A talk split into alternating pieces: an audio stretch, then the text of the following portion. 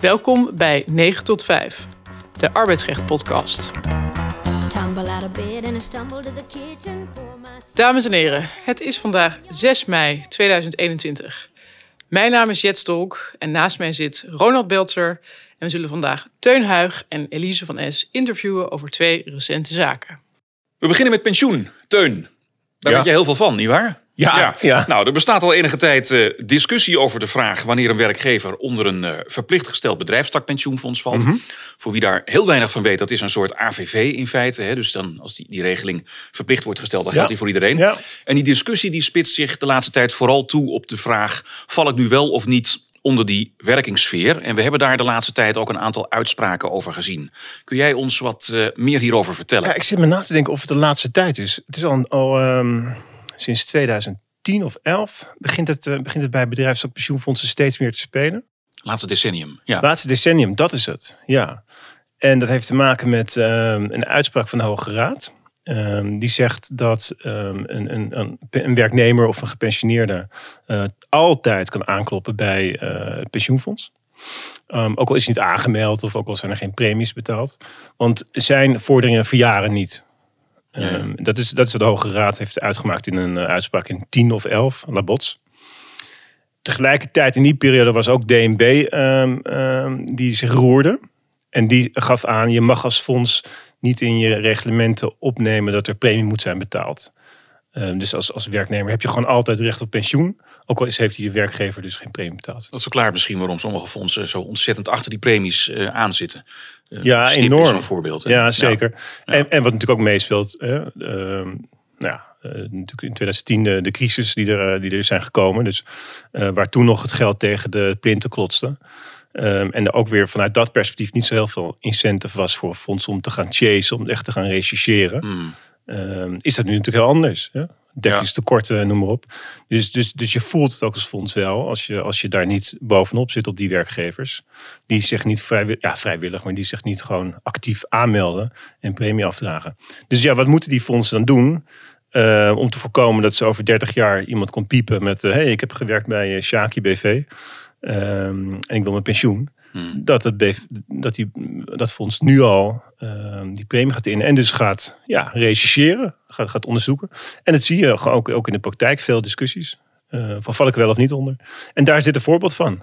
Pannenkoeken. Ja, ja, je hebt inderdaad een mooie zaak gevonden. Het is een, eh, nou, een lust voor het oog om hem te lezen. Ik denk, dat, eh, nou, ik denk dat de raadsheren heel veel lol hebben gehad. Althans, dat hoop ik. Zou ik hebben gehad als ik het lees het opschrijven ervan. Jij kent er een van, hè? Eh, minimaal één. Eh, Ja. En eh, het, het, ja, wat je allemaal kunt lezen over wat een pannenkoek nou Ja. allemaal wel en niet is, is, is het is bijna Ja. een klucht. Een pannenkoek is geen koek. Nee, Dat- dat nee, weten nee. En, en Van Dalen zegt het, iedereen zegt het, hè, dat het geen koek is. Maar, maar heren, even misschien over Ja. de juridische duiding. Hè, voor de, voor de ook, luisteraar die dit even wil begrijpen. Ja. Waar gaat het dan om? Is het dan echt een werkingssfeerdiscussie van val je er wel of niet onder? Want wat speelde dan inderdaad in deze zaak? Kijk, werk is. eh, Waardoor die het is juridische een vraag werk- Het is opkwam. een werkingssfeerdiscussie. Ja. En in die zin is het gelijk aan een AVV en een CO. Je legt eigenlijk de werkingssfeer van zo'n fonds eh, uit. Du- Dus eh, in dit geval moest je koekjes maken, even kort door de bocht. Ehm, en daar geldt een CO-norm voor, een uitlegnorm. En ehm, ja, dat is natuurlijk dan. Het ene bedrijf zegt ja, ik maak geen koekjes. En de andere zegt ik maak er geen probleem van. Nou, en als je dan een discussie hebt, dan ga je dat uitleggen. Ehm, en, en er wordt natuurlijk steeds meer, ik weet eigenlijk niet of dat in AVV-land ook zo is, maar steeds meer bepleit dat het een wet in materiële zin is. Dus dat die CO-norm niet zou moeten gelden. En dat zie je hier ook terugkomen. Hè? Dat, dat er, eh, nou ja, je ziet dat niet hier terugkomen, je ziet wel dat er ook andere elementen worden meegenomen. Bijvoorbeeld dat je rechtszekerheid moet zijn. Je moet als werkgever we- weten waar je aan toe bent. En dat wordt dan een beetje ingevlochten in die uitlegnorm. Want wat is dan even voor de luisteraar misschien ook, wat is het verschil tussen een materiële en een formele uitleg? En wat neem je in het ene geval wel of niet mee? Ik weet het ook niet. Nu zit ik met een bek vol tanden. Nee, ik weet het echt niet. Bedoel, bedoel je die, die wetgeving? Als het een. Nou ja, je, je zegt het wordt steeds meer materieel uitgelegd. Ja, ja, ja. Wat nou, nee, ik bedoel, ik bedoel als, als, een, een, als het ware het een wet in materiële zin. Dus dat je dan eh, loskomt eigenlijk van die, van die partijbedoelingen. Bij CO-norm, ja, wat ik bedoel, is natuurlijk wordt een onderscheid gemaakt, zogenaamd tussen CO-norm en, en de haveltekstnorm. Maar wat je doet is, je bent die partijbedoeling aan het uitleggen. Ja, dat klopt. En die, bij die CO-norm heb je inderdaad eh, eh, niet de bedoeling van partijen, althans als uitgangspunt. Want dat is natuurlijk alweer genu- genuanceerd. En volgens mij zie je dat inderdaad ook terugkomen in deze pensioenzaken. Dus natuurlijk ook in principe niet, ja, geen aanleiding om, om pensioen en cao's, waar andere zaken in staan, heel verschillend te behandelen. Volgens mij zie je dat ook in deze, nou ja, zeg maar, pannenkoekzaak, hoe het Hof daarmee omgaat. Toch? Ja, ik, ben het niet helemaal met je eens dat je, maar dat zeg jij misschien ook niet, dat je niet moet zoeken naar die partijbedoelingen. Dan heb je het eigenlijk over de FNV en de werkgeversorganisatie. En dan, want dat zijn natuurlijk de partijen. En, en dat je hun gemeenschappelijke bedoeling probeert boven tafel te Nou, krijgen. maar die moet je wel uit het stuk kunnen halen. Uit het Dat- stuk. Ja, ja. Ja, ja. Al- althans, je hebt natuurlijk ook nog andere omstandigheden. Je moet eigenlijk die omstandigheden waar je dan op beroept voor die uitdaging, die moet, je, die moet iedereen kunnen kennen. Juist, dat, dat is het punt. Ja, en dat zie je hier ook gebeuren. En dat, dat vind ik eigenlijk wel leuk. Je had het, ehm, even een zijspontje, bij Booking ook. Hè, de AG, de advocaat-generaal die de, de Hoograad adviseert. Die heeft er ook een eh, mooie uiteenzetting gedaan. Waar kijk je dan allemaal naar? Wat kan je allemaal voor invalshoek Ja. hebben? En dat zie je hier ook terug bij Hof Den Haag is dat volgens mij. Ehm, ehm, oh, oh, zie je ook terug dat hij, dat hij zegt van nou, je kijkt bijvoorbeeld naar de vandalen. Gewoon wat betekent nou een woord? Hè? Ehm, het vervaardigen van koek. Ik weet niet eens of dat de woorden zijn. Eh, en, dan, en dan stelt het Hof vast, ja, dat is daar zit eigenlijk in die betekenis van de vandalen zit geen onderscheidend criterium. Wat ik heel erg leuk vind persoonlijk is, eh, ik, ik denk dat ik dat moet toeschrijven aan die advocaat, maar daar denk jij misschien net iets anders over. Dat, dat die advocaat van, het, van die werkgever ehm, ehm, ook allemaal opinies erbij haalt van professoren. Eh, en die gaat dan in de historie je ook. Ja, ja, Ja, ja, dat vind ik, vind ik echt. Ik denk ook dat hij flink wat, wat mocht verspijkeren hè, qua uren. Want het, het gaat ook om 9 of 8,5 miljoen. Ja. Ehm, wat, de, wat de Hof ook zegt is, ja, weet je, het gaat ook over wat, wat eh, het normaal spraakgebruik. Nou, het is ook zo. Dat, dat zullen jullie misschien ook wel herkennen. Maar dat bij is het dus geobjectiveerd. Ja. Ja, geobjectiveerd.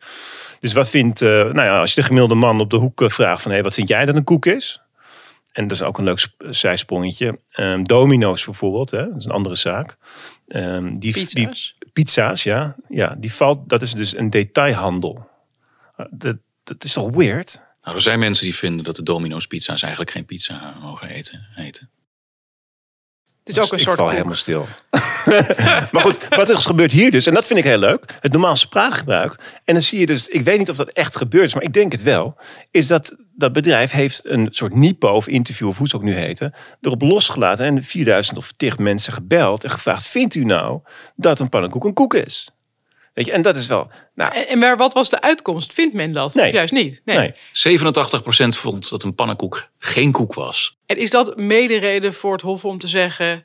Dus je valt er ja, niet maar, onder? en dan niet onvoldoende onweersproken. Hè. Dus, dus dan had het BPF daar weer de eigen onderzoek tegenover moeten stellen. En niet gedaan. Maar dat gebeurt natuurlijk nooit. Maar ik vind het fantastisch. Ik, ik krijg nooit die middelen om dat te doen.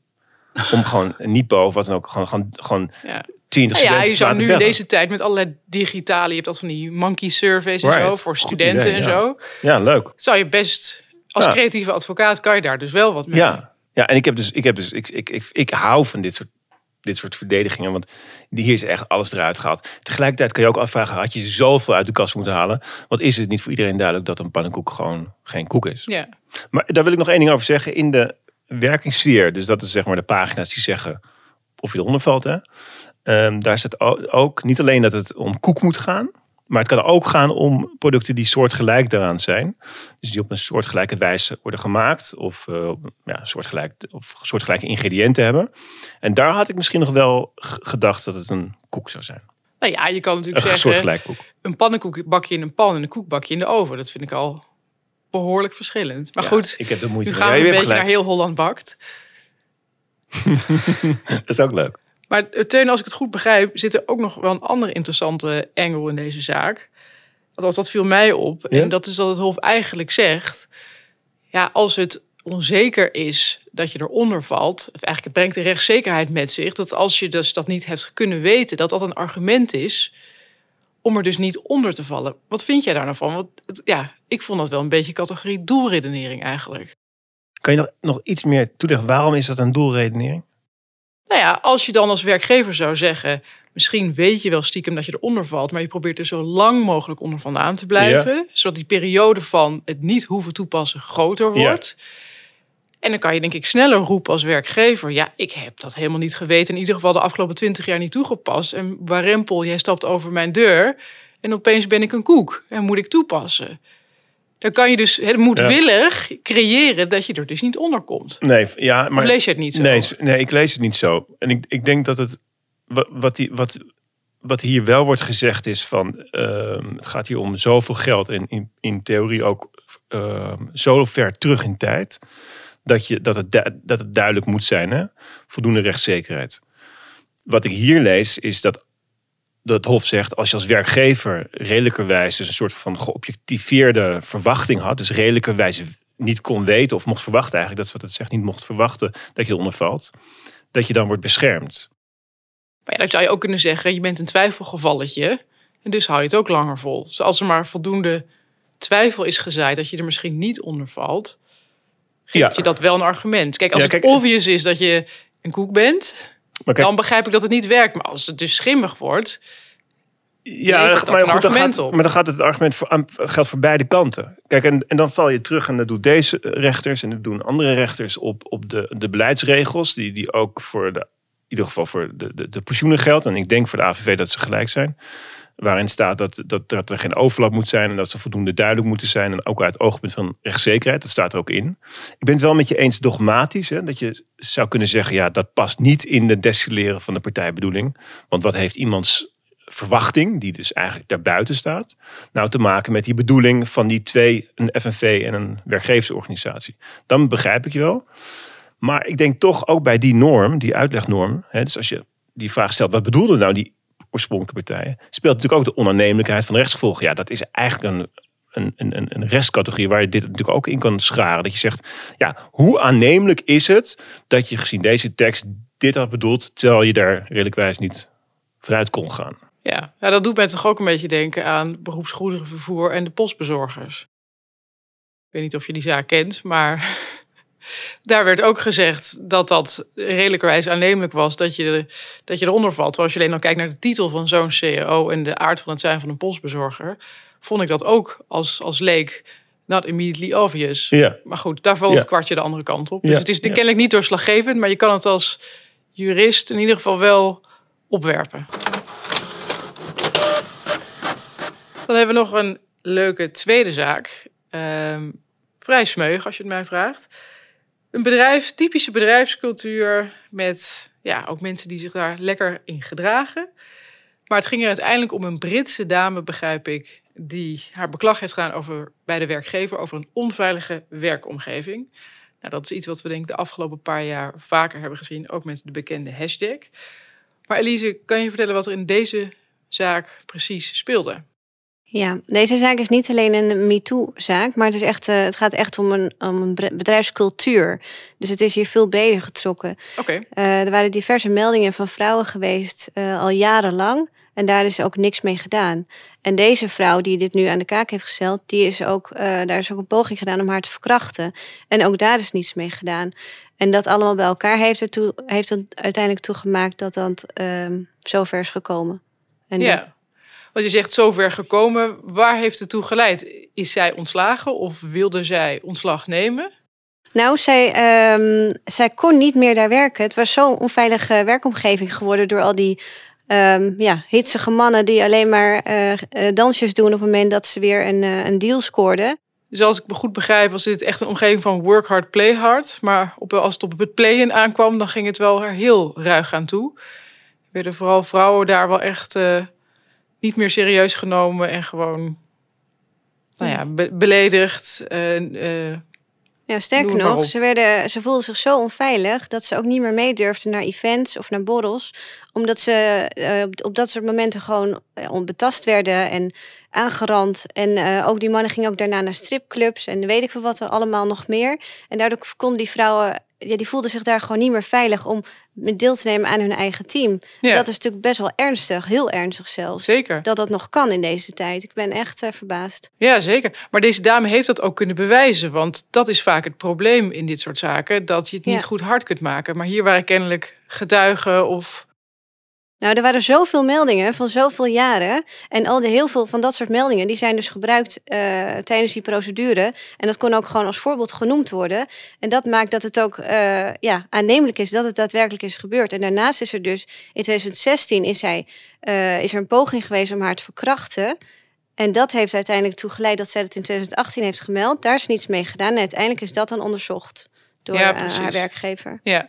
Maar als ik het goed begrijp, is zij degene die de procedure heeft gestart om te Ja. zeggen: ik wil weg. Dat is natuurlijk Ja, dat ook best bijzonder. Want je kan ook Ja. zeggen: ik ga gewoon weg en ik ga daarna alleen maar schade proberen te vorderen. Maar hoe heeft zij dit juridisch dan ingestoken? Ze heeft dus zelf een ontbindingsverzoek eh, ingediend. En dat is best wel een risico geweest. Want ze neemt daarmee een risico eh, dat ze geen WW-uitkering krijgt. En ze moet ook nog aantonen dat er ernstige is gehandeld door de werkgever voor die transitievergoeding en die billijke vergoeding. Dus ze heeft best wel een risico genomen om dit zo in te dienen. Maar dat zegt ook wel wat. En ik Ja. begreep ook dat ze al een tijdje mm, vrijgesteld was van werk. Dat er geprobeerd was te onderhandelen. eh, geprobeerd om tot een VSO te komen. Dat is allemaal niet gelukt. En zij vorderde uiteindelijk in de procedure bijna 2 miljoen. En dat is dan uiteindelijk Wow. gedeeld. Of in ieder geval daar is uiteindelijk een uitkomst van, van 350.000 euro. Ja, die billijke vergoeding was dat. Hè? Ehm, ja, die krijgt zij dan inderdaad, 3,5 ton. Ehm, en eh, ja, ze vroeg inderdaad meer, want ze zei ik had promotie kunnen maken van trader 2 naar trader 3 als ik niet zo eh, was bejegend. Ehm, daar gaat eh, eh, de rechter dan niet in mee, want dat is allemaal te onduidelijk. Want ze, nou ja, ze had ook niet nou ja, zo gepresteerd. Blijkbaar. Ja, dat zegt- dat zegt de ja, dat, dat wordt werkgever, ja. gezegd, ja. Dat er negatieve nou ja, dat, beoordelingen dat, wordt dan, dat wordt dan overgenomen. En wat dan inderdaad oorzaak en gevolg is, dat zullen we nooit weten. Maar wat ik nog wel aardig vond. Zij krijgt dan die 3,5 ton, hè, dat, dat meld je net. Die is dan gebaseerd op dan level 2 trader zijn. Hè, wat zij was, met een bonus die ze dan vermoedelijk niet heeft eh, gekregen. Maar ja, ze heeft dus inderdaad zelf ontbinding gevraagd. Eh, maar je zegt dat kan als ernstig verwijtbaar is. En, en ze kan ook zo weer werk vinden in het eh, Verenigd Koninkrijk, zegt de rechter. Past zo'n berekening nou binnen de wet en de rechtspraak van nou ja, de Hoge Raad? Hè? Er zijn wel wat uitspraken inmiddels, Ja, dan heb je natuurlijk die nieuw herstel met die punten waar dan eh, op, op naar gekeken wordt. In dit geval is er gekeken naar de schade en de inkomensschade die zij leidt als gevolg van het handelen van die werkgever. Die heeft gezorgd voor zo'n onveilige werkomgeving dat het niet van haar verlangd kan worden om daar nog langer te werken. En toen heeft, die, eh, heeft ze ingestoken op dat er een gemiddelde werknemer daar acht jaar werkt. En dat is dan de reden dat er loon is gevorderd voor in ieder geval 2021. En dat is dan de inkomensschade. En dat is hoe die is berekend. Alleen zij zou dan van level 2 naar level 3 gaan en eh, promotie maken. En dat kon ze onvoldoende bewijzen Ja. vanwege die negatieve beoordeling Ja, in precies. 2018. Ja, ja, ja. En het is heel eh, gek dat op het moment dat zij is aankaart over eh, ongewenste intimiteit en MeToo, dat op dat moment er opeens negatieve beoordeling is. Ja, want dan is, wordt ze natuurlijk gezien als een zeur. Althans, dat denkt de buitenstaander die het leest. Ja, en dat maakt mij boos. ja, ja oké. Pannenkoeken zijn het allemaal. Hè? Ja. Absoluut. Ja. Maar ze had ook nog een concurrentiebeding, begrijp ik. Ja, die is komen te vervallen omdat er sprake is van ernstig feit behandelen van die werkgever. En daardoor is dat gewoon te ko- komen vervallen. En daar staat ook verder niet zoveel in eh, over in die uitspraak, behalve dan di- dit. Nee, maar wat ik dan gek vind, is dat kennelijk was deze werkgever, deze dame, ook liever kwijt dan rijk. Want ze waren aan het onderhandelen over een VSO en ze had die klacht ingediend enzovoorts. En dat, dat al even, als ik het goed begrijp. Maar dat kennelijk de werkgever aanvankelijk nog heeft geroepen dat dat ding in stand moest blijven. Welk ding? Dat concurrentiebeding. Nou, nog even een, een, juridisch puntje. Die ernstige verwijtbaarheid, die moet je dus eh, nou ja, kunnen vaststellen. Hè? Waar staat dat volgens de rechter hierin? Aantonen. Ja. Ja? Eh, volgens de rechter zat erin dat er onvoldoende gedaan is om de situatie te stoppen door de werkgever. Mhm. Want ze wisten ervan, ze hebben er niks aan gedaan. Jarenlang, En het, ja. ja. en het tekort geschieten in de zorgplicht om te zorgen voor een veilige omgeving waar een vrouw zich moet kunnen ontplooien. Plus het ontbreken van een klachtenprocedure intern. Ja, ja, dat laatste zie je inderdaad ook vaak. Die, en die veilige werkomgeving, die haal je natuurlijk gewoon uit de Arbowet, hè? De- die, eh, die, die plicht. Ja. Dit was de derde aflevering van 9 tot 5. U kunt deze podcast naluisteren via www.9tot5podcast.nl en daar kunt u ook relevante informatie vinden over wat wij vandaag hebben besproken. De podcast is ook te beluisteren via de bekende kanalen van Stitcher en Spotify. Wij zijn Jet Stolk en Ronald Beltzer. Dank Teun Huig, dank Elise van Es voor jullie scherpe blik. En wij zijn over twee weken bij u terug in een andere samenstelling. Tot dan.